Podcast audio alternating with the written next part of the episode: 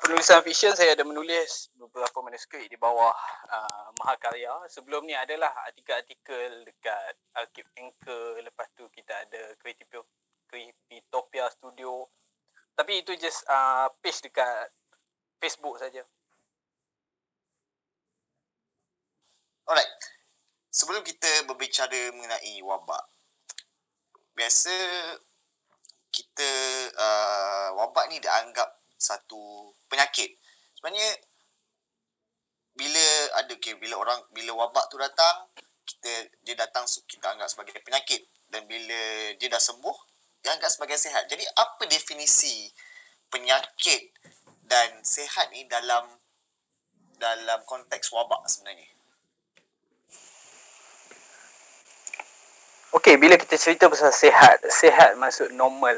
Daripada keadaan normal, kita punya tubuh, kita punya kulit, kita punya anatomi, kita punya badan, kita punya keadaan tak ada yang abnormal, tak ada yang pelik. Okey, kita cerita tentang pelik ni, apa yang pelik? Contoh dia tangan kita straight, tiba-tiba dia uh, ada luka dekat kulit. Maksud itu abnormal, maksud itu tidak sehat. Dan keadaan yang sehat adalah yang sebalik dia.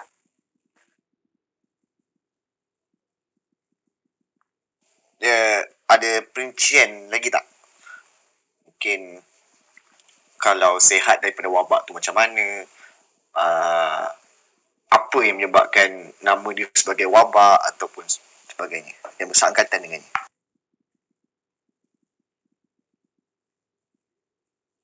Ya, Iman. Clear, clear, clear. Dengar, dengar. Okey. Okay, bila kita cerita pasal penyakit, kita cerita pasal penyakit ni. Penyakit ni ada macam-macam jenis. Penyakit yang berpunca daripada uh, genetik, penyakit yang berpunca daripada masalah persekitaran, masalah pemakanan dan kita cerita tentang wabak ni, wabak ni semesti, semestinya uh, penyakit yang berpunca daripada uh, dia punya kita panggil dia patogen. Okey, patogen ni satu-satu penyebab penyakit yang dibawa daripada benda asing lah. Patogen kita ada lima jenis sebenarnya. Kita ada virus, kita ada bakteria, kita ada parasit, kita ada kulat dan kita ada prion. Uh, okay. Jadi sebenarnya apa sebenarnya punca penyakit daripada teori-teori uh, punca sesebuah penyakit itu daripada dulu sampai sekarang? Okay, kalau cerita kalau cerita daripada punca penyakit, punca penyakit daripada dulu, first kita kena faham yang uh, daripada konsep pagan ataupun daripada konsep dewa-dewa, dia akan merujuk kepada bala ataupun kemarahan daripada dewa-dewa tu. Jadi, first sekali kita kena faham situ ada konsep persembahan, konsep korban untuk menghilangkan sesuatu bala, menghilangkan sesuatu kemarahan daripada Tuhan menghilangkan satu kemarahan daripada dewa-dewa ni. Bila berganjak, berganjak, berganjak, dia ada beberapa pecahan teori ataupun uh, pecahan pendapat mengenai penyakit yang menyebabkan uh, menyebabkan kematian, menyebabkan apa tu jangkitan kepada sesebuah masyarakat. Okey, yang first dia, dia uh, antara dua tiga teori dia ada teori generasi spontan benda yang tak ada tiba-tiba ada. Tapi definition untuk teori generasi spontan ni panjang lagi lah tak apa yang tu saya tak nak cerita. Kita cerita pasal miasma punya teori. Miasma punya teori ni dia cerita pasal uh, penyakit yang ada dekat dalam persekitaran. Sesuatu persekitaran yang kotor menyebabkan satu-satu penyakit. Persekitaran yang kotor ni merujuk kepada bau-bau busuk uh, kawasan-kawasan yang yang busuk, yang berbau, yang ber, yang memualkan. Bila dalam satu kajian oleh William Farr dan untuk menguatkan kata teori miasma ni, dia buat satu kajian dekat London semasa wabak kolera. Kawasan bawah sungai ataupun kita panggil dia hulu. Hulu sungai Ah, Aiman, tak tolong. Hulu atau hilir? Saya confused in between dua. Yang mana? Yang atas ke yang bawah? Yang yang bawah. Yang bawah hulu kan? Yeah. Yang bawah hulu ke hilir? Yang bawah hilir. Yang Hilir mostly- lah. Hulu atas, hulu dalam. Ha. kawasan hilir lebih lebih banyak orang yang berjangkit yang kena wabak kolera ni dan kawasan hulu kurang in between ah maksudnya kawasan-kawasan tu dia berbukit udara dia lebih segar kawasan tu kurang ada orang yang terkena jangkitan. Jadi daripada situ orang lebih percayakan teori miasma ni lah. Okey yang tu satu.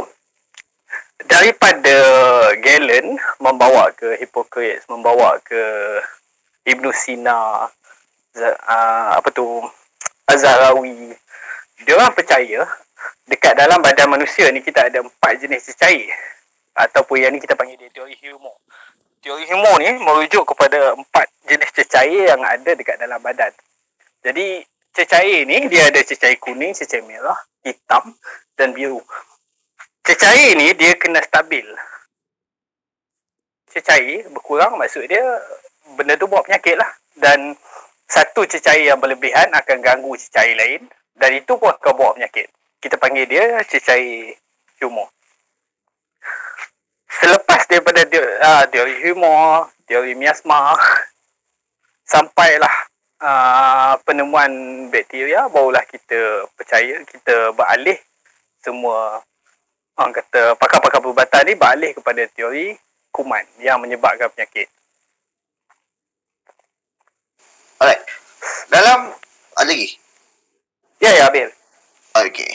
Dalam sejarah dunia kalau dari kalau da, uh, zaman kira zaman pur tak adalah purba maksudnya zaman awal ketamadunan manusia tu wabak apa yang pertama sekali menyerang manusia? Ya. Bagus soalan ni, Aiman. Dia saya tak boleh nak ingat sangat dia punya tahun-tahun starting kalau kalau terlajak di sebab Okey, yang first kita ada Justinian antara satu-satu wabak yang meragut banyak nyawa. First Justinian, lepas tu kita ada wabak Aten, wabak Galen membawa kepada uh, kurun ke-13 kita ada Black Death, lepas tu kita ada Spanish Flu, kita ada Simplex sebelum tu tahun tahun 1770 kita ada membawa ke tahun 1800 kita ada kolera, kita ada taun sampailah ke tanah Melayu kita ada Spanish flu, kita ada malaria. Okey, kalau bercerita tentang wabak-wabak yang antara Zam. Zam. Hello. Hello.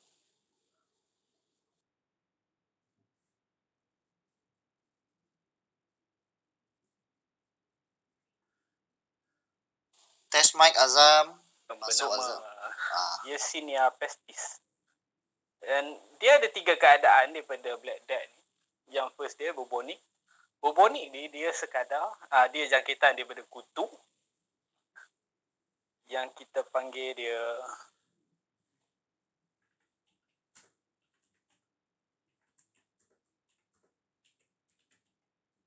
Hello Aiman.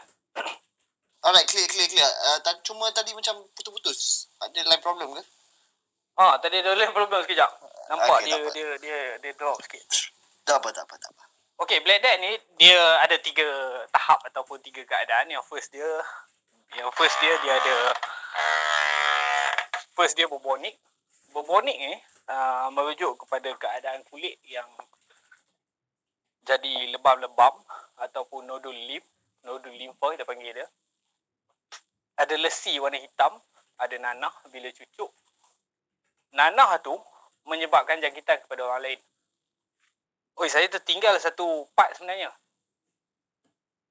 Tak apa, boleh boleh patah balik. Boleh patah balik ya? Uh, boleh, boleh, boleh. Okey, eh, kita cerita buat patogen tadi. Kita cerita buat virus, bakteria, apa benda semua. Okey, kita kena ingat satu benda yang semua jenis patogen ni dia ada empat jalan utama yang masuk. Satu, dia sistem pernafasan. Sistem pernafasan ni which mean kita punya hidung dengan kita punya mulut. Yang kedua, hubungan seks ataupun kontak terus. Hubungan seks tak kisah atau oral ataupun ni. Luka yang terbuka ataupun pemindahan darah guna suntikan ataupun uh, pindah darah secara ni lah secara pembedahan atau derma Okey, selain daripada empat ni adalah terlalu rendah untuk dapat jangkitan. Kalau daripada sudut, uh, kalau daripada satu first tadi yang sistem pernafasan tu, okey orang yang ada jangkitan, orang yang membawa patogen tu dia lepaskan patogen tu melalui batuk ataupun bersin orang lain sedut guna sistem pernafasan, sedut guna hidung dia, patogen tu masuk dekat dalam badan daripada luka yang terbuka cecair uh, daripada tubuh pesakit sama juga. Bersin ataupun uh, batuk kena dekat kawasan luka yang terbuka. Lepas tu menjangkiti seseorang. Pemindahan darah tu seorang yang ada memang ada patogen. Dia buat pemindahan darah dekat orang lain. Lepas tu uh, seterusnya menjangkiti orang lain lah Okey, saya sambung balik yang Black Death tadi, dia ada tiga stage kan, dia ada bubonik. Bubonik ni, dia punya lesi, dia punya lesi just dekat kulit saja. Dia tak masuk dekat dalam badan. Dia tak masuk dalam paru-paru lagi. Yang kedua dia, dia ada sistemik. Saya tak ingat in between sistemik dengan pneumonik, tapi sistemik dia masuk dekat dalam sistem tunjang, sistem saraf, sistem uh, nodulim, apa benda semua sampai dekat pneumonik tu, start daripada pneumonik tu, baru dia start menjangkiti orang lain melalui dia punya uh, salur pernafasan, mean dia batuk dengan bersin.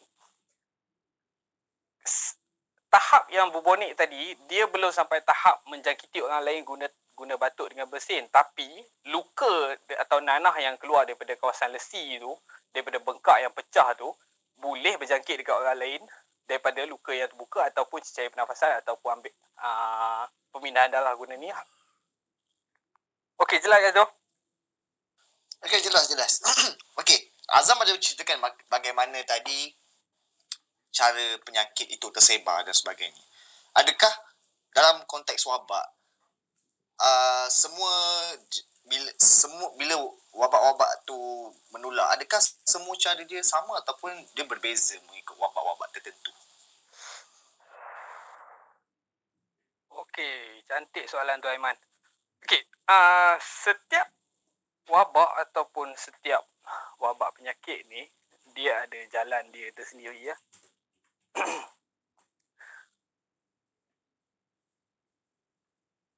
uh, itu je ke? Hello. Uh, saya tertinggal uh. satu lagi tadi Aiman. Aduh. Baru teringat. Tak apa, kita Banyak. mungkin next next top next topic. Banyak betul yang tertinggal malam ni kan? Tak apa, tak apa. Sebab kabut-kabut je lah. Kabut nak uh, lockdown ni mungkin. kabut nak lockdown, kabut mikir. saya tertinggal, okay. saya, saya tertinggal satu lagi. Rupanya, vector. Masa, masa okay. Uh, ha. Okay, boleh, boleh. Boleh je. Ajam. Cakap je, Zam. Saya cakap je, Zam. Santai kan? Kau yang paling santai kali uh, sepanjang banyak-banyak speaker lah. Ha? Dah, dah, sambung, sambung. Uh, pasal sambung, sambung, sambung. Okey, bila kita cerita pasal vektor ni, vektor ni binatang ataupun uh, serangga, biasanya nyamuk kan, nyamuk, kutu, hama, dia yang bawa uh, patogen-patogen ni. Tapi dia pecah sikit sebab kalau cerita kita, kalau kita cerita kutu dengan hama, kutu dengan hama ni dia termasuk dekat uh, parasit punya kategori juga. Jadi dalam pada dia jadi parasit, dia jadi external. Uh, kita panggil dia external punya parasit lah. Dia just dekat luar. Ada parasit yang masuk dekat dalam badan contoh macam cacing, macam tip tapeworm, glimworm. Hello. Hello. Uh, Azam. Azam. Kamu punya... Line Hello, tak, tak. Uh, okay, dengar, dengar, dengar. Eh tadi yang cakap panjang-panjang tadi dengar tak? uh, lepas tu putus tengah jalan. Alamak. Kita penat cerita okay. pasal vektor. Okey, kita tak apa tak apa. Tak apa, apa. Sambung balik, sambung balik. Sambung. Orang boleh. boleh. Boleh, boleh. Uh, yang mungkin baru masuk pagi, ni sampai habis tu pagi pun okey. Cakap, cakap. Sila, sila, sila. Apa dia? Sila, sila, sila. Helmi sila, nak bagi. Sila, sila. Helmi nak bagi sampai esok pagi ya. Tak apa. Sila, sila, sila. Sekejap, sekejap. Sekejap ah, saya nak pasal vek, pasal vektor tadi. Okey, vektor ni vektor ni jangkitan yang disebabkan oleh uh, sejenis binatang Ah, uh, Aiman, Yes, yes, yes saya, yes saya. sekarang dengar atau tak dengar? Dengar, dengar. Clear, clear. Kalau tak clear, nanti aku bagi tahu. Kan? Okey, kita cerita pasal vektor ni. Vektor ni, uh, penyakit bawaan vektor ni, contoh dia, kita ada denggi, kita ada malaria, kita ada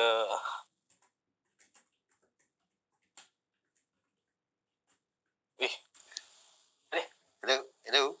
ya ya ya ya. Kita ada deng Okey, ada dengue, ada malaria dan juga ada... Ah, contoh macam chikungunya, kita ada Zika. Okey, penyakit tu uh, ataupun patogen tu dibawa oleh nyamuk. Lepas tu nyamuk tu gigit manusia, seorang manusia. Kemudiannya manusia tu dijangkiti oleh penyakit-penyakit tu. lah. Dia ada spesifik punya spesies yang boleh bawa patogen-patogen ni. Contoh dia kalau macam Aedes, dia ada bawa denggi, dia ada bawa Zika, lepas tu dia ada bawa chikungunya kalau kata kalau kata macam nyamuk nyamuk tiuk ataupun Anopheles punya spesies dia bawa untuk malaria punya protozoa. Okey Aiman. Alright, alright. Lagi. Okey, sambung. Boleh sambung. Dia dia soalan ni daripada tadi dia patah pergi dia dia straight ke depan lepas tu dia patah balik pergi kat vektor saya pun dah tak tahu kita kat mana. Alright. Teruskan. Uh, ah, Aiman. so- soalan tadi sebelum vektor tu. Okey. Uh, Okey, uh, dalam konteks wabak kan. Jadi adakah setiap wabak tu dia punya Azam kan tadi ada mula cerita pasal okay, bagaimana satu penyakit tu berjangkit antara satu sama lain kan. Jadi dalam konteks wabak, adakah semua wabak ni dia punya penularan dia sama ataupun berbeza mengikut wabak mengikut wabak varian dia ataupun dan sebagainya. Okey, cantik soalan ni Aiman. Uh, kita cerita pasal satu-satu jenis penyakit ni, dia ada spesifik punya uh, cara jangkitan lah. Contohnya kalau kata nyamuk, kalau kata nyamuk yang bawa denggi, orang yang ada denggi dia takkan sebarkan denggi guna uh, batuk atau bersin ataupun virus tu terkandung dekat dalam dia punya water droplet. Dia hanya akan dijangkiti dengan cara gigitan nyamuk sajalah. Contohnya kita bawa ke COVID ni sama juga. Kalau kata dia ada COVID, dia ada coronavirus disease ni, dia kena jangkitan, tiba-tiba dia kena gigit nyamuk, nyamuk tu takkan bawa virus tu. Sebab uh, virus tu ada dekat dalam dia punya paru which mean dia akan menjangkiti orang dengan cara water droplet. Dengan cara sistem pernafasan dia batuk, bersin, dia release virus tu dekat dalam cecair yang keluar tu dan orang lain sedut, orang lain uh, ambil patogen tu masa bernafas ataupun ambil patogen tu melalui tangan masuk dekat dalam sistem pernafasan, masuk dekat dalam organ pernafasan dan menyebabkan jangkitan. Okey, so dia ada spesifik ataupun cara tersebar yang untuk satu-satu virus lah. Dia takkan sama ataupun uh, untuk satu-satu patogen dia takkan sama. Okey, Aiman. Alright. Uh, okay, bila kita sejak landa COVID itu tadi, tahun lepas lah masuk saya, kita selalu dengar perkataan uh, pandemik, uh, epidemik dengan lagi satu uh, pandemik, epidemik dan endemik. Apa definisi Ya, ya. tiga-tiga perk- perkataan ni sebenarnya? Pandemik, epidemik dan juga endemik. Okey. Dan ah, boleh bagi sebenarnya- dan boleh bagi contoh satu antara satu pandemik tu contoh dia apa, epidemik tu apa dan endemik itu apa. Okey, itu saja. Okey, can- cantik soalan ni Aiman. Okey, uh,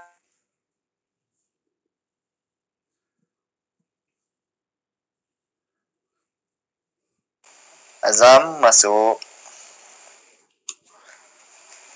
Azam, hello. Hello. Helmi, tolong wake up Azam.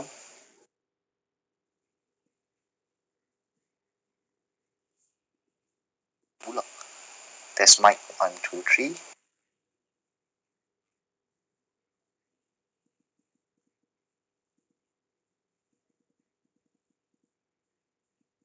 Test mic. One, two, three.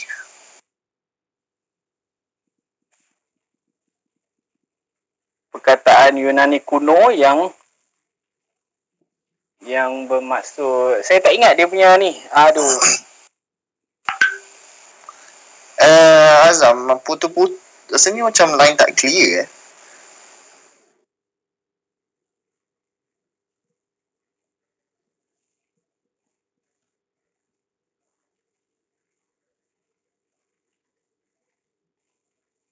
Hai. Mungkin Tos mic, uh, cuba test connection. Maaf kita Mana? ada gangguan uh, uh, putus-putus. Maaf kita ada gangguan dari tek- mungkin line connection Azam yang slow. Saya tak dapat ataupun saya sebab saya tak dengar suara Azam. Harap tunggu sebentar.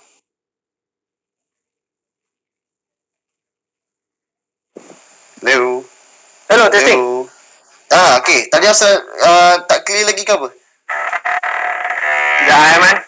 Ah, okey boleh. Okey, mula Ya. balik pasal uh, pasal pandemik, epidemik dan sebagainya.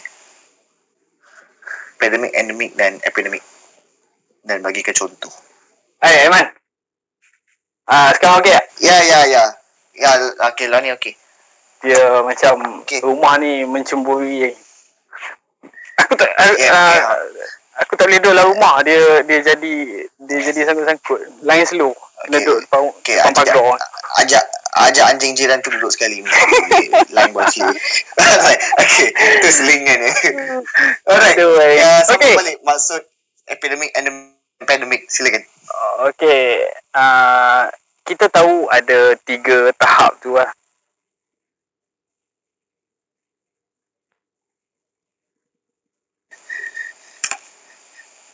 Hello. Aiman. Ya ya ya ya. Uh, line Azam Azam kan punya line okay. tak okey ke apa ni? Tadi dengar ke tak dengar? Tak dia putus-putus lagi. La ilaha illallah. Sat, sat, sat, sat. Mana nak Ya. duduk eh? Maaf. Kau duduk cukup mana tu Zam? Hang duk kulim Ya. ke duk curut tok duk curut curut tok kun? Coy, coba tok kun pun pun, line kuat. Testing, testing. Alright, clear. Clear. Okey, uh, first dia daripada empat tahap tu, uh, daripada tiga tahap yang kita biasa dengar tu, kita ada pandemic, epidemic, endemic. Tapi dia ada tahap keempat untuk sporadik. Okey, ayat ni dah dua tiga kali kat saya ulang ni. Okey, yang first dia, pandemic tu, tahap pandemic dia berlaku dekat seluruh dunia. Dia mengancam uh, penduduk-penduduk dunia. Lepas tu dia berlaku dengan terlalu untuk dia ada sejenis ubat saya tak ingat ubat apa kalau kata uh, dia punya darah jadi beku kita bagi dia antikoagulan untuk cairkan darah tu itu yang kita guna rautan-rautan yang ada untuk untuk virus lah Okey, Aiman. Alright. Uh, okay, okay.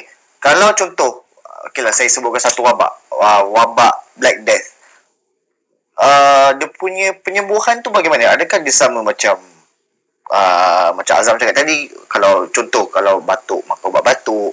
Kalau sesama, maka ubat sesama ataupun ada cara lain. Kalau wabak, gitu teruk melanda dunia. Aiman minat betul dengan Black Death kan? Ya, yeah, ya. Yeah. Betul, betul, betul. Okey, uh, untuk Black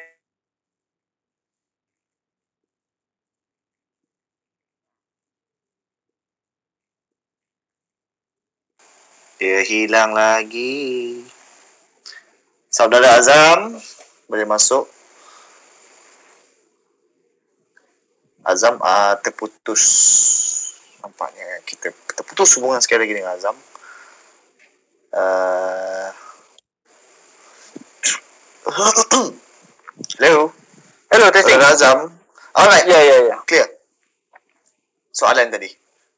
Ya, waktu black death dia tak ubat tertentu. Macam contoh kalau batuk makan ubat batuk, sesama makan ubat sesama, demam makan ubat demam ataupun sebagainya. Azam, hello. Hello. Ya, ya, ya, ya. Test. Ya, yeah, clear tak soalan tadi? Ah, clear, clear, clear. Ah, uh, clear tak soalan? Alright. Dia kan, dia, soalan ni kalau dijawab. Ah, putus-putus putus-putus lah Zam. Okey. Jap.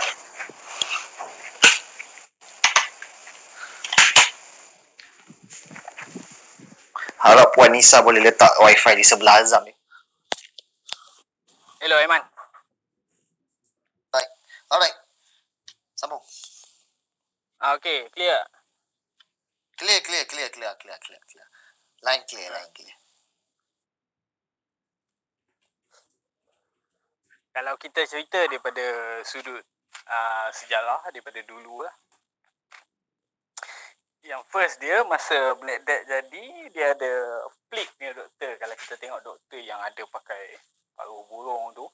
Dan kita kena faham juga, masa tu, teori kuman ataupun teori patogen, teori penyakit disebabkan bakteria, disebabkan virus ni belum diperkenalkan uh, masa tu orang masih lagi berpegang kepada um, teori miasma ataupun teori yang disebabkan uh, teori penyakit yang disebabkan bau busuk ataupun persitaran yang busuk ni.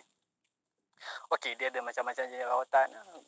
Untuk dia pelik doktor tu dia check keadaan pesakit guna guna satu tongkat untuk pastikan dia tak pegang terus badan ni. Kalau kata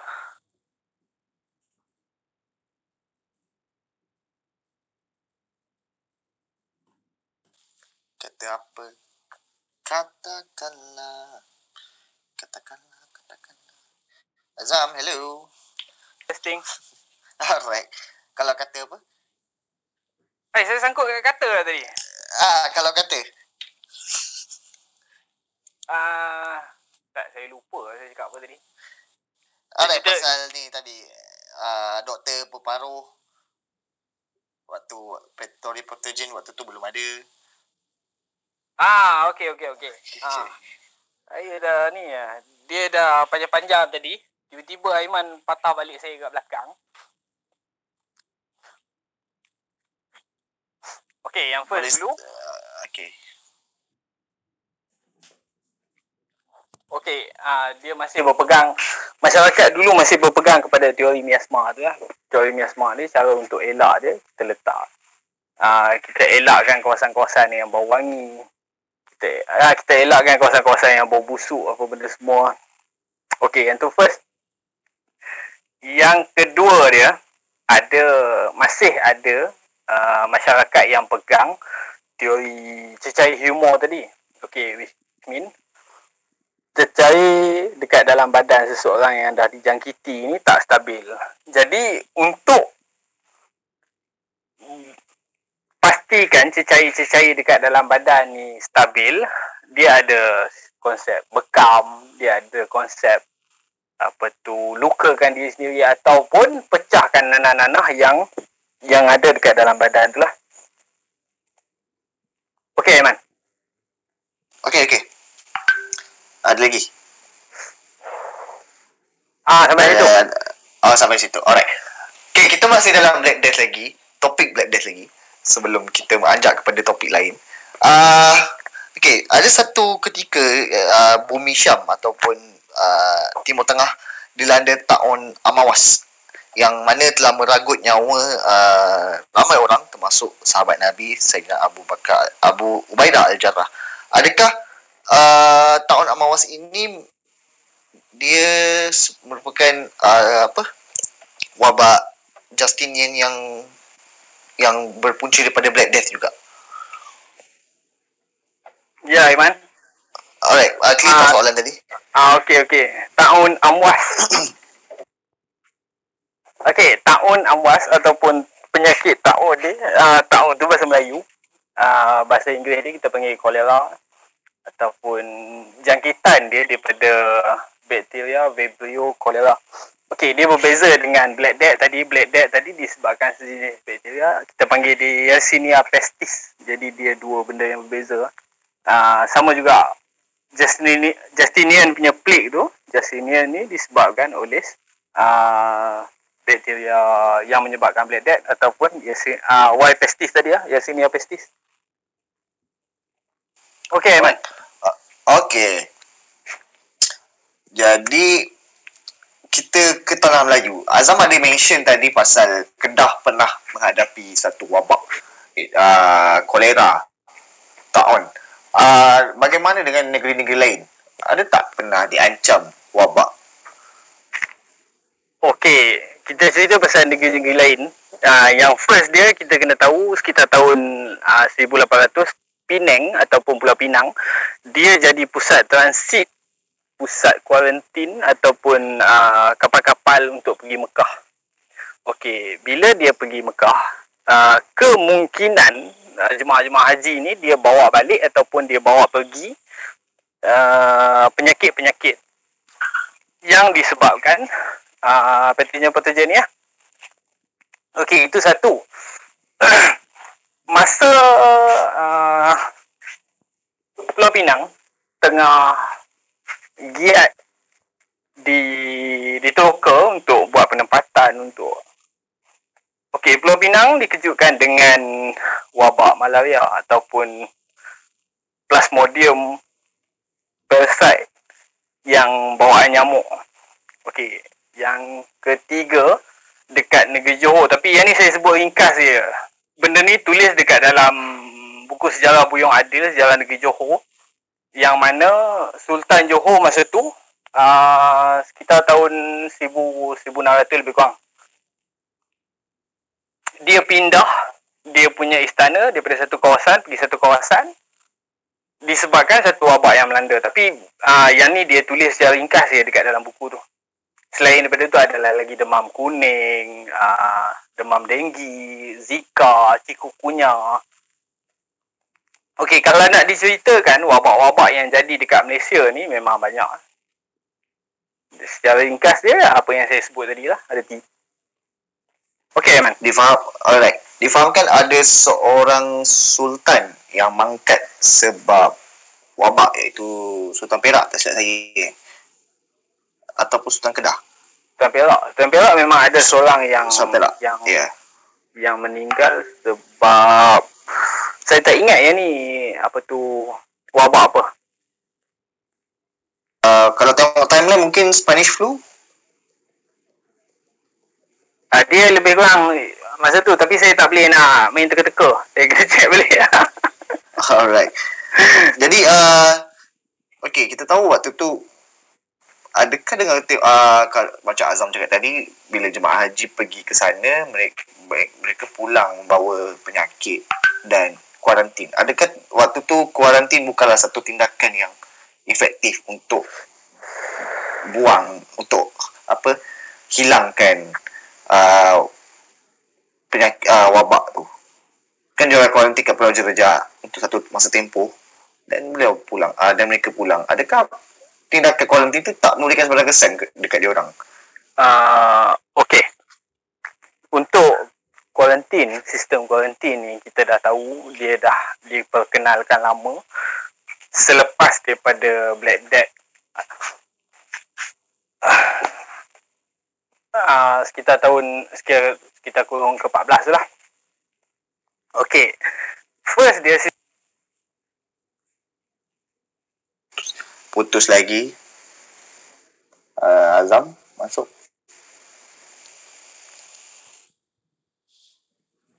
Hello.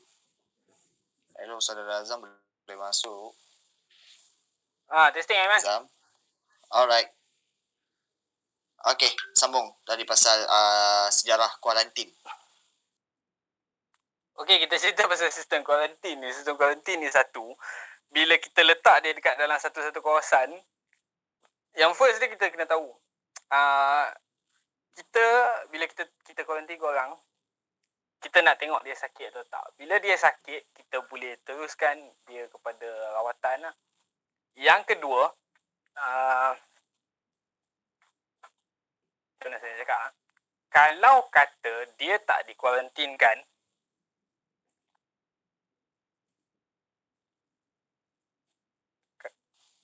Uh, putus-putus. Kalau kata tak dikuarantinkan, apa jadi? Okey, kalau kata tak dikuarantinkan, kita tak kita tak tengok dia punya keadaan dulu, dia masuk dalam keadaan dia berpenyakit, dia bawa patogen tu, ah itu yang menyebabkan satu-satu wabak dekat dalam dekat dalam sesebuah kawasan lain lah. Merebak daripada daripada dia balik daripada Mekah, lepas tu dia merebak dekat Malaysia, dia merebak dekat tanah Melayu pula. Okey, Aiman. Uh, Azam boleh ceritakan sikit pasal virus Nipah yang berasal daripada Malaysia daripada tak silap saya di Negeri Sembilan ataupun Selangor. Sebab dia daripada kandang Kinzig ya yang telah melanda dunia dalam 20 tahun lepas. Boleh Azam ceritakan sikit bagaimana virus itu berlaku dan efek dia terhadap dunia. Okey, cantik soalan ni Aiman. Okey, yang first dia kita kena tahu uh, virus Nipah ni dia satu family dengan Marburg punya virus ataupun Henipa punya virus. Okey, virus ni kalau diikutkan daripada kertas-kertas kajian kertas, uh, ataupun keterangan-keterangan yang berkaitan dengan penularan wabak ni kita kena tahu dia berlaku dekat kawasan kampung Sungai Nipah Negeri Sembilan. Okey, dia berlaku dekat kawasan tu ya. Uh, kelawar selaku host ataupun haiwan perumah untuk virus ni dia pergi dekat kandang kinzil lepas tu dia lepaskan dia punya sisa najis sisa air kencing dia dekat najis uh, dekat dekat kandang kinzil tu menyebabkan uh, kinzil tu jadi haiwan takungan ataupun dia bawa virus tu bawa dekat manusia. Dia batuk, dia bersin ataupun manusia uh, makan daging kinzil tu yang menyebabkan jangkitan. Jadi sejauh mana kesan terhadap okay, uh, terhadap dunia? Ada sebar adakah sebarang uh, perubahan di dalam industri pembuat apa perubatan ke bila virus Nipah ni melanda? Okey, virus ni virus Nipah ni sampai sekarang still ada lagi sebab uh, saya tak ingat 2018 ke 2019 berlaku dekat Bangladesh. Kan dia ada uh, epidemik yang berlaku dekat Bangladesh. Ini soalan Aiman ni. Aiman, Ya ya ya ya. Hanya teriak aku terkejut. Alright, uh, itu je. Hello. hello hello hello. Ah okey. Uh, ada sambungan. Ha. Tak Okey, Tak kita tengah- berbat uh, tengah berfikir sejenak soalan spesifik soalan Aiman ni. Itulah senang kata sejarah uh, uh, ada tak improvement daripada di dalam industri perubatan bila diorang dah hadap virus Nipah ni? Hmm, Sejauh mana Azam tahulah. Saya rasa saya kena skip soalan ni Aiman. Dia dia Alright. dia membawa kepada sistem perubatan sistem perubatan negara dan saya tak nak sentuh. Kita punya KKM. Uh, okay. Okay. Uh, kita fast forward ke zaman sekarang. Ke era saya panggil ataupun ke zaman COVID-19. Uh, ramai orang kata sebelum vaksin ada, sebelum kita cip, terciptanya vaksin untuk COVID-19 ni, uh, ada yang kata kenapa cepat sangat? Uh, apa kenapa uh, vaksin hasil cepat sangat? Uh, dulu nak cipta, cipta vaksin bukan main lama. Kenapa? Uh, bagaimana boleh terjadi macam tu? Maksudnya vaksin dicipta cepat bagi menu, mengekang penularan wabak COVID-19, COVID-19 ni. Hello? Ah, sorry sorry. Okey, cantik Okey. soalan ni Aiman. Okey, yang first dia kita kena tahu kita punya kemajuan teknologi hari ni jauh lebih baik daripada daripada zaman dulu lah. Okey, yang kedua, uh, yang ni orang banyak salah faham tau. Dia kata COVID ni benda baru, corona ni benda baru. Okey, corona ni dia bukanlah satu benda yang baru sebab virus corona first dijumpai ataupun ditemui sekitar tahun 1920 dekat US. Okey, tapi virus tu uh, dia tak pergi dekat dia tak pergi dekat manusia. Dia just dekat binatang saja. Yang tu dia jumpa dekat dalam kandang uh, industri industri tenaga ayam. Okey, dia bawa ke tahun 1930 lebih kurang. Kita ada dia pecahkan corona ni kepada empat kepada kepada empat sub alpha, beta, apa tu saya tak ingat satu lagi. Dia ada alpha, beta, gamma. Lepas tu daripada coronavirus ni dia pecahkan lagi dia ada beta A, beta beta B, beta C, beta D. COVID-19 ni dia duduk dekat lineage ataupun dekat sub beta B. Betul kan saya kalau saya salah man? Like sure, sure. Kami uh, kami ada saudara Zami, mungkin beliau kalau perbetulkan beliau boleh request as speaker. Tak, dia memang betul beta B. Ah, uh, okay, sambung sambung. Okay. So, Eh. uh, lepas tu dia duduk dekat dalam lineage yang sama dengan SARS 2004 lah. Jadi uh, Alright. kajian Okay. mengenai virus corona ni dah lama ada. Start daripada tahun 2004 tu, uh, selepas daripada virus SARS tu dia dah start buat kajian sikit-sikit. Dan dengan kemajuan teknologi yang kita ada, kita boleh buat jujukan genom ataupun uh, genomic sequencing tu lebih jauh lebih baik daripada dulu lah untuk menghasilkan vaksin ataupun menghasilkan uh, sistem perubatan untuk rawat untuk cegah wabak ni daripada terus terjadi ya. Okey man. Okay. Uh, okay. set- Setelah vaksin dicipta, kan kalau contoh uh, adanya uh, dari 8, tak silap saya 8 ujian, uh, ada 8. Uh, betul ke saya? Uh, dan 5 syarikat yang kita beli, Malaysia beli. Dan setiap syarikat pengeluar vaksin ni, dia efisiensi tu berbeza. Contoh macam 5% dan uh, Sputnik 50%, AstraZeneca 75. Apa maksud efisiensi ni? Dan uh, mengatakan, okay, aku nak ambil Pfizer. Sebab apa? Sebab dia 90%. Tak ambil lah Sinovac ke. Sebab apa? Sebab dia punya efisiensi tu rendah. Ataupun Sputnik tak rendah. Kenapa? Apa maksud efisiensi tu sebenarnya? Okey, cantik Hello, soalan saudara ni Aiman. Ya. Cantik soalan ni Aiman. Okay, clear.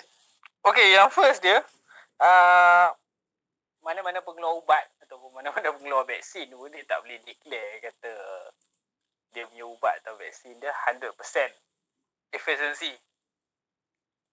Okey, itu satu. Dan untuk kadar efisiensi ni semua based on dia punya uh, kajian ataupun dia punya clinical trial at- ataupun ujian klinikal yang dia buat start daripada kita start masa awal-awal covid tu pun kita dah start buat uh, orang kata saintis-saintis dekat dunia ni dah start buat untuk kajian vaksin ni tapi untuk ulas daripada segi dia punya clinical trial tu saya rasa saya kena jawab lain kali. Tak boleh nak ni sangat. Okay Aiman. Mungkin mungkin kongsi sedikit satu satu satu pengeluar lah. Yang mana uh, mungkin ada isu dalam mungkin vaksin daripada China tu. Ataupun uh, vaksin AstraZeneca yang uh, ada isu blood cloth uh, apa darah beku boleh Azam huraikan pasal tu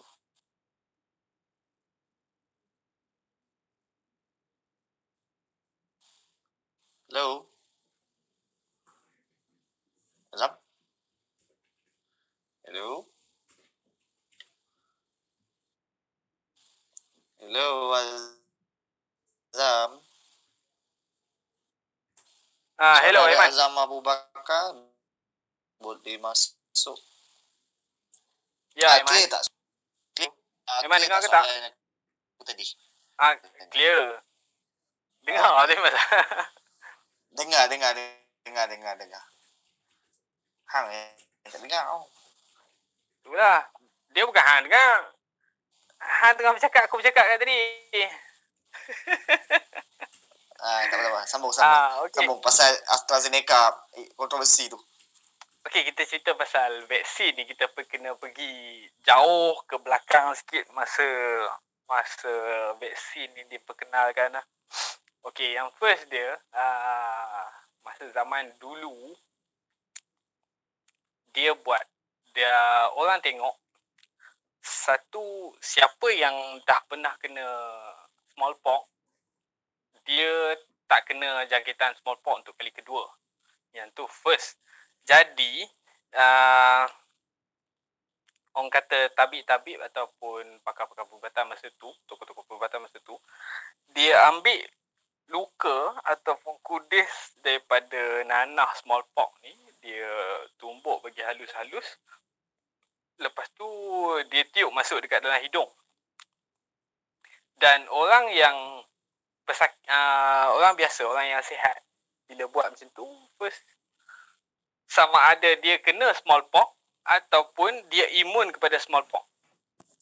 Tap, uh, tapi yang jadi masalah dia sekarang, orang yang kena smallpox lagi banyak daripada orang yang yang imun kepada smallpox tu. Jadi uh, tahun 1700 1700 berapa? Saya tak ingat. Edwin Jenner seorang tokoh perubatan bernama Edwin Edwin Edward Jenner. Yang cerita balik pasal saya saya saya saya sambung. Ah tunggu yang lain masuk kejap. tunggu yang lain Tadi masuk kita dulu. tadi tadi kita sangkut dekat vaksin ke kat mana? Ah kat vaksin lah Yang Edward Jenner, Edward Jenner. Saya saya tunggu tunggu yang lain masuk. So, ah, Patrick pun ni dah masuk. Edward Jenner. Edward Jenner. Hello Azam. Ya ya ya ya. Ah, Okay, kita, kita kita tunggu semua masuk dulu ah. Ah, okay, kita borak dulu. Memang. Ah. Ah, Ah, ni ah, ah, nak mengapu mengapu lah. Ah, Aiman jangan jangan bagi luar konteks sangat nanti saya bahan ilmi Aiman marah. Jangan masuk benda isu peribadi dalam uh, talk uh, open macam ni eh. Saya pukul nanti. Ilmi pun satu. Saya invite dia tak dapat. Uh,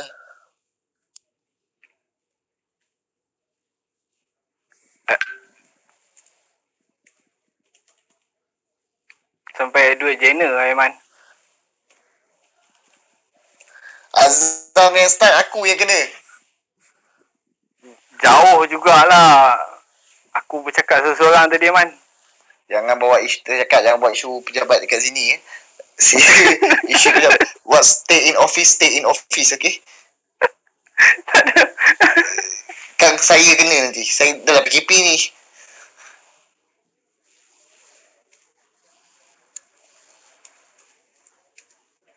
Sabar kita tunggu semua masuk.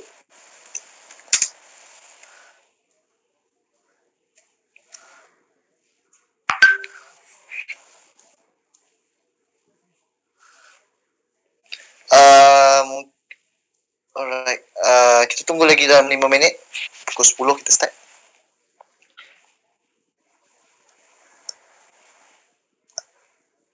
Okay, Azam. Azam cari uh, port yang clear dulu. Ah, Jangan balas WhatsApp Azam eh. Sila reply dekat saya sekarang. Biru saya seorang kat sini.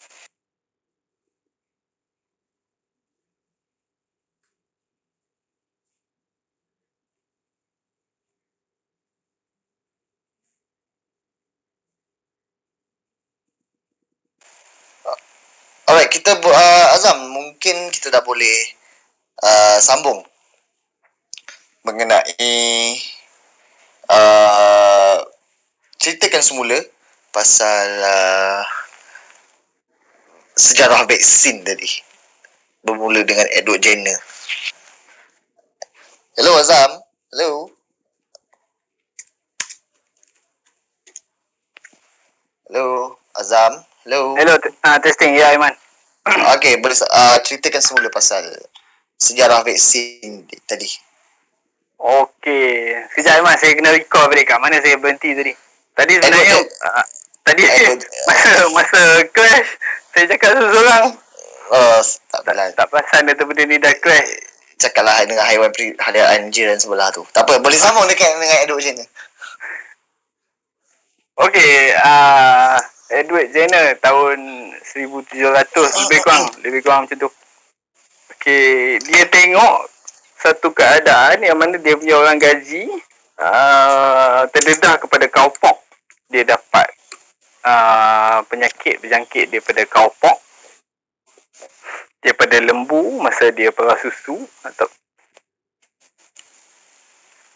jadi Edward Jenner ni dia ambil uh, virus cowpox tu dia suntik ataupun dia inject dekat dia punya kawan-kawan, dia punya family yang mana dia punya family ni semua tak tak dijangkiti smallpox walaupun terdedah kepada orang yang uh, ada smallpox. Okey, itu adalah permulaan untuk sistem vaksin ataupun sistem vaksinasi ni yang mana dia guna uh, ejen penyakit lain untuk buat seseorang imun kepada satu-satu jenis penyakit ni lah, satu-satu jenis patogen. Okey, Ah. orang yang ya. Ya, Aiman. Habis. Ah, ya, Aiman. Ya, boleh sambung, boleh sambung. Sorry, sorry, sorry potong. Ah, okey. Orang yang dah divaksin ni, eh, bila kita cucuk, eh, bila kita suntik, bila kita inject dia dengan vaksin, dia inject, kita inject dia dengan satu ejen penyakit. Sistem imunisasi badan uh, seseorang dia dah bentuk satu satu keadaan untuk lawan penyakit tu lah. Itu yang kita panggil dengan vaksin. Kita suntik dia dengan ejen jangkitan lain dia punya imun badan dah bersedia untuk lawan satu-satu jangkitan virus tu. Berbeza dengan orang yang tak suntik dengan vaksin, orang yang tak divaksin ni, dia punya sistem badan ataupun sistem imun dia langsung tak ada persediaan untuk melawan jangkitan tu. Itu beza dia. Uh, orang yang dah divaksin dengan orang yang tak divaksin. Tapi uh, orang yang divaksin masih juga boleh kena jangkitan macam yang uh, ditulis oleh saintis-saintis dengan pakar-pakar perubatan ni. Cuma yang membezakan seteruk mana uh, keadaan seseorang tu selepas daripada dijangkiti ya. Walaupun dia dijangkiti tapi disebabkan sistem imun dia, sistem badan dia dah bersedia ataupun dah pernah terima benda tu, memori dia pernah ada. Jadi sistem imun badan ni boleh lawan balik jangkitan virus tu yang menyebabkan sistem apa tu simptom ataupun jangkitan tu tak serta orang yang tak divaksin. Okey, Man. Alright. Uh, sekarang ni vaksin dah, uh, COVID dah dalam kira gelombang keempat. Ya. Kita lihat uh, macam mana Azam punya pandangan pasal uh, vaksin COVID yang mana dah kita dah hadapi lebih kurang setahun dua bulan. Setahun enam bulan, setahun tiga empat bulan juga lah. Setahun, setahun, setahun suku. Okey, kita recall balik COVID ni dia start uh, sekitar Januari tahun lepas 2020. Sistem apa tu program vaksinasi uh, ataupun skala penuh untuk vaksinasi ni start daripada Disember tahun 2020 membawa sampai sekarang lebih kurang bulan Mei 2021 kita boleh tengok graf penurunan uh, jangkitan ataupun kes-kes kematian dekat US berbeza dengan apa yang berlaku dulu lah. Sekarang saya tengok lebih kurang dalam 6,000 kematian, 2,000 kematian sekitar uh, sehari kan. Sama dengan dengan UK untuk kes kematian tu menurun selepas daripada program-program vaksinasi ya. Okey Aiman. Uh, okay, baru-baru ni dekat India, saya terbaca satu uh, kalau komuniti tu ep, epidemik, epidemik eh. Iya ya. Epidemik uh, baru yang melanda India tapi uh, India pantas men- membantras epidemik itu daripada lebih melarat. Boleh saya tahu ep- epidemik apa yang melanda India selain daripada COVID-19 ni? Aiman merujuk kepada epidemik yang jadi dekat India 2 3 2 3 bulan ni boleh kata banyak juga black fungus ni ah, tu. Black black fungus Yang- ni dia merujuk kepada de, Ah, black fungus, juga. yes. Ah, black fungus tu. Tapi kalau boleh saya Dia- saya nak saya nak skip soalan black fungus ni dia spesifik sangat. Dia complicated sikit kalau nak ni. Alright. Uh, okay. Uh, di saat negara kita, negara lain menunjukkan penurunan yang ketara, macam US dulu antara sekarang dah okay. Okay dulu sampai mayat bertimbun, berapa puluh-puluh ribu satu hari. Uh, kini Alhamdulillah menunjukkan pening- peningkatan yang bagus bila vaksin ada tetapi negara yang kita sayangi ni eh, awal dia nampak macam hero tapi sekarang ni seolah-olah terbalik berbanding pula dengan yang baru-baru ni dua hari lepas kes ya semua orang sedia maklum berlakunya step error di dalam apa pendapat Azam pasal uh, pengawalan uh, ve- apa, COVID-19 di dalam negara kita ni. Ni secara uh, peribadi sebagai orang awam lah.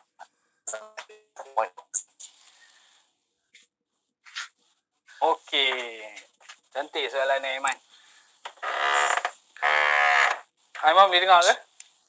Boleh, boleh, boleh, boleh. Ha, okey, kita nak cerita pasal program vaksinasi kerajaan ni yang first dia uh, kerajaan dia ada inisiatif lah untuk beli vaksin-vaksin ni lepas tu Yalah vaksin ni bukannya beli dekat pasar malam, bukannya boleh beli dekat dekat kedai, dia ada sistem-sistem dia. Kalau yang tu saya nak kena serah dekat orang yang lebih yang ada dekat dalam kerajaan tentang proses-proses ni lah. Tapi daripada Kalau dari, okay. tapi Alright, daripada sudut. Okey, tapi daripada sudut untuk sistem maklumat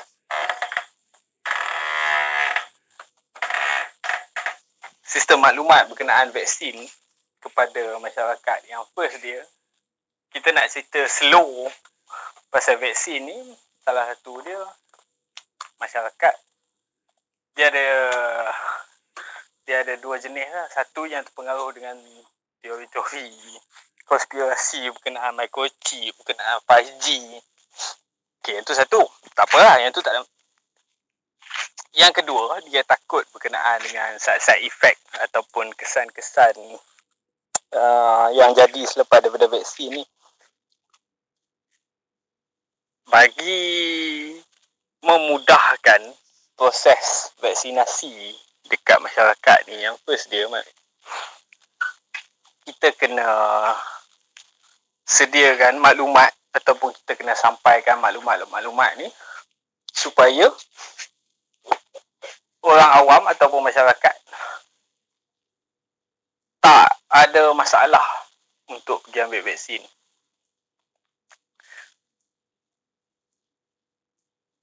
Okey, Aiman. Alright. Okay, Dia- Azam. An, Ya. uh, uh, right. Okay, ada satu penyakit iaitu penyakit uh, batuk kering ataupun TB. merupakan antara penyakit tua yang eh, TB kan daripada zaman Tok Kadir, zaman pur, zaman apa? Uh, zaman purba dulu lah, zaman Greek Rome dan sebagainya. Dan sekarang yang telah menjangkiti manusia beratus-ratus tahun sejak beratus tahun dahulu menjadi perhatian dunia dan boleh Azam jelaskan kenapa uh, kenapa Okey, cantik soalan ni Aiman. Aiman, tadi soalan awak ya, yang tersangkut-sangkut. Tapi tak apa, awak nak saya cerita pasal tuberkulosis tu ataupun batuk kering ataupun TB. Okey, kita cerita pasal TB ni, dia daripada uh, jenis patogen, bakteria. Hmm, micro, mycobacterium tuberculosis. Uh, Okey, dalam satu kajian yang dia buat, saya tak ingat kajian tu tahun bila. Dia jumpa satu satu fosil kerbau purba yang mana bila dia buat dia temukan uh, penyelidik-penyelidik ni temu jumpa keadaan paru kerbau tu terkena jangkitan terkena jangkitan tuberkulosis ni. Saya tak ingat yang yang tu nak kena recall balik dia punya dia punya kertas kajian tu. Saya pernah tulis benda ni. Uh, okay. Tuberkulosis dia disebabkan bakteria dan dia bukan disebabkan virus dan tuberkulosis ada rawatan, ada ubat untuk bunuh bakteria tu.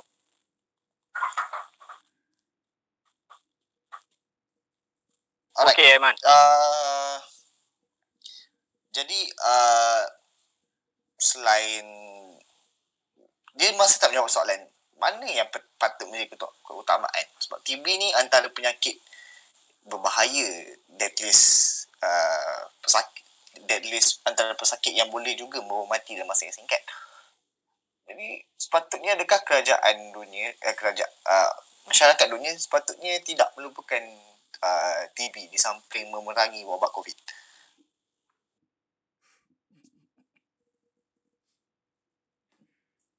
Oh. Okey, ini uh, kita kena papan ni vaksinasi tadi. Kita ada dia ada pulmonary, dia ada uh, meningitis, dia ada apa tu systemic sepsi sepsi systemic.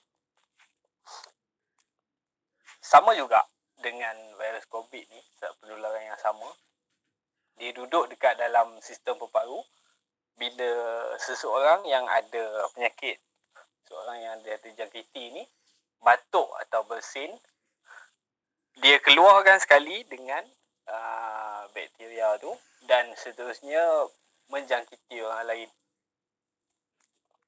tapi beza dengan covid tadi ini bakteria. Covid tu virus. Bakteria dia ada ubat. Okay, itu satu.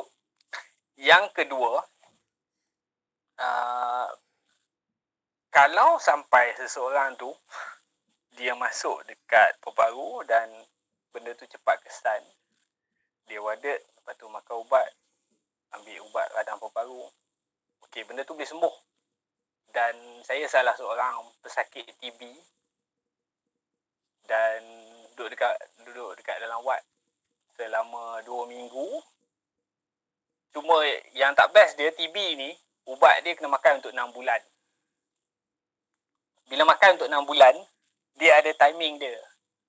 Saya dah tak ingat tapi kalau tak silap saya satu pagi satu malam.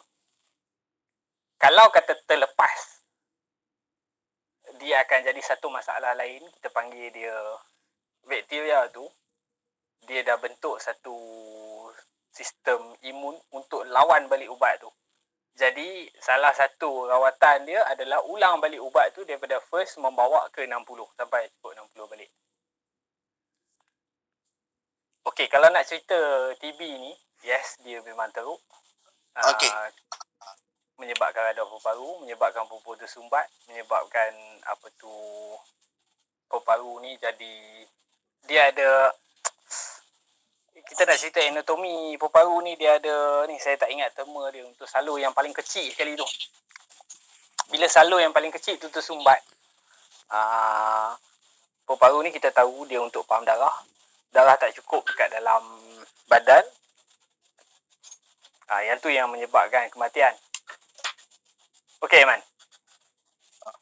Okey. Azam, kan kalau Aiman. Azam.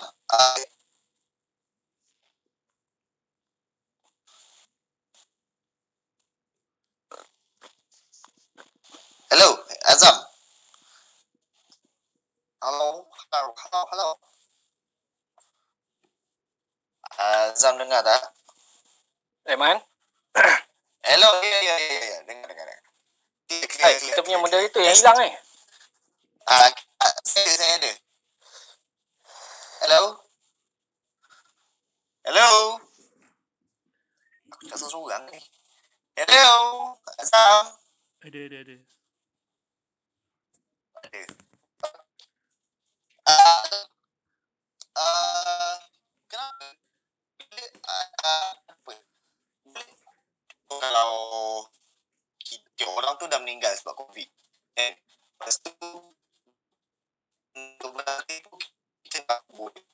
Ada. Dia, mesti boleh menjangkiti orang lain. Testing, Dan testing, Aiman. Oh, kita tak? Azam kita tak? Hello?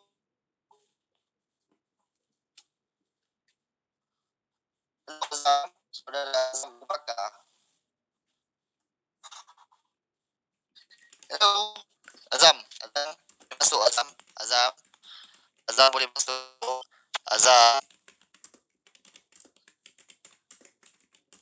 Hello. Azam. Saudara Azam. dia- Azam kenapa ke mute? Jangan mute.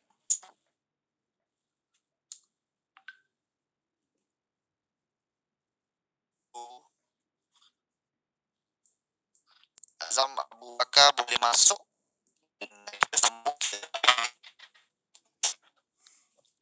Saudara Azam boleh masuk. Saudara Azam boleh masuk. Saudara Azam boleh masuk. Saudara Azam boleh masuk.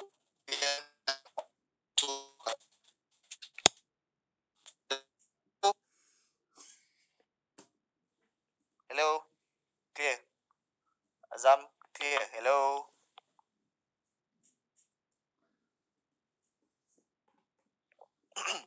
Hello. Azam.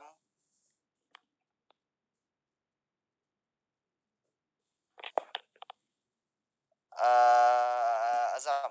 Boleh boleh. Ya boleh. Aiman. Alright. Okay, soalan terakhir. Boleh Kita ada tak? problem dengan kita punya moderator.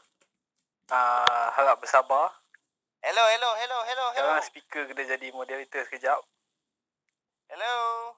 Clear tak? Hello.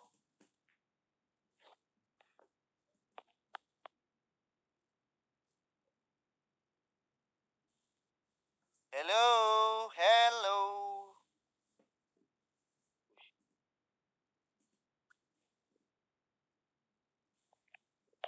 Hello, take over. Take Ah, over y- pula dah. Ah ya Azam. Aiman, ambil balik. Boleh jawab. Ya Aiman.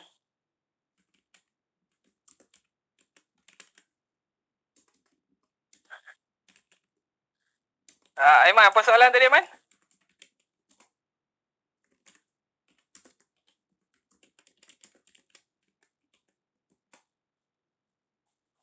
Testing, testing. Aiman.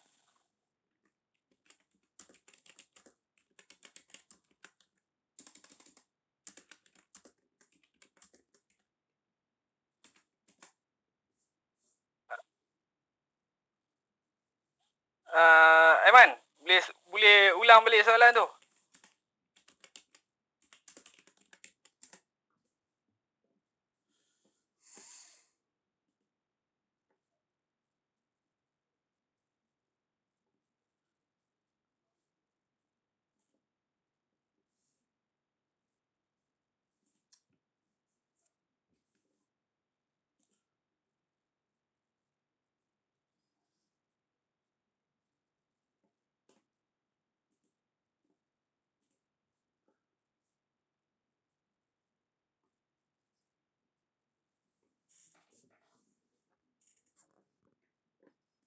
Testing, testing. Aiman. Aiman masuk, Aiman.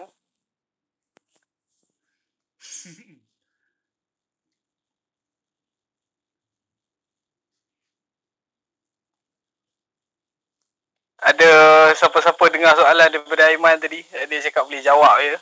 Saya tak tahu soalan tu sangkut kat mana.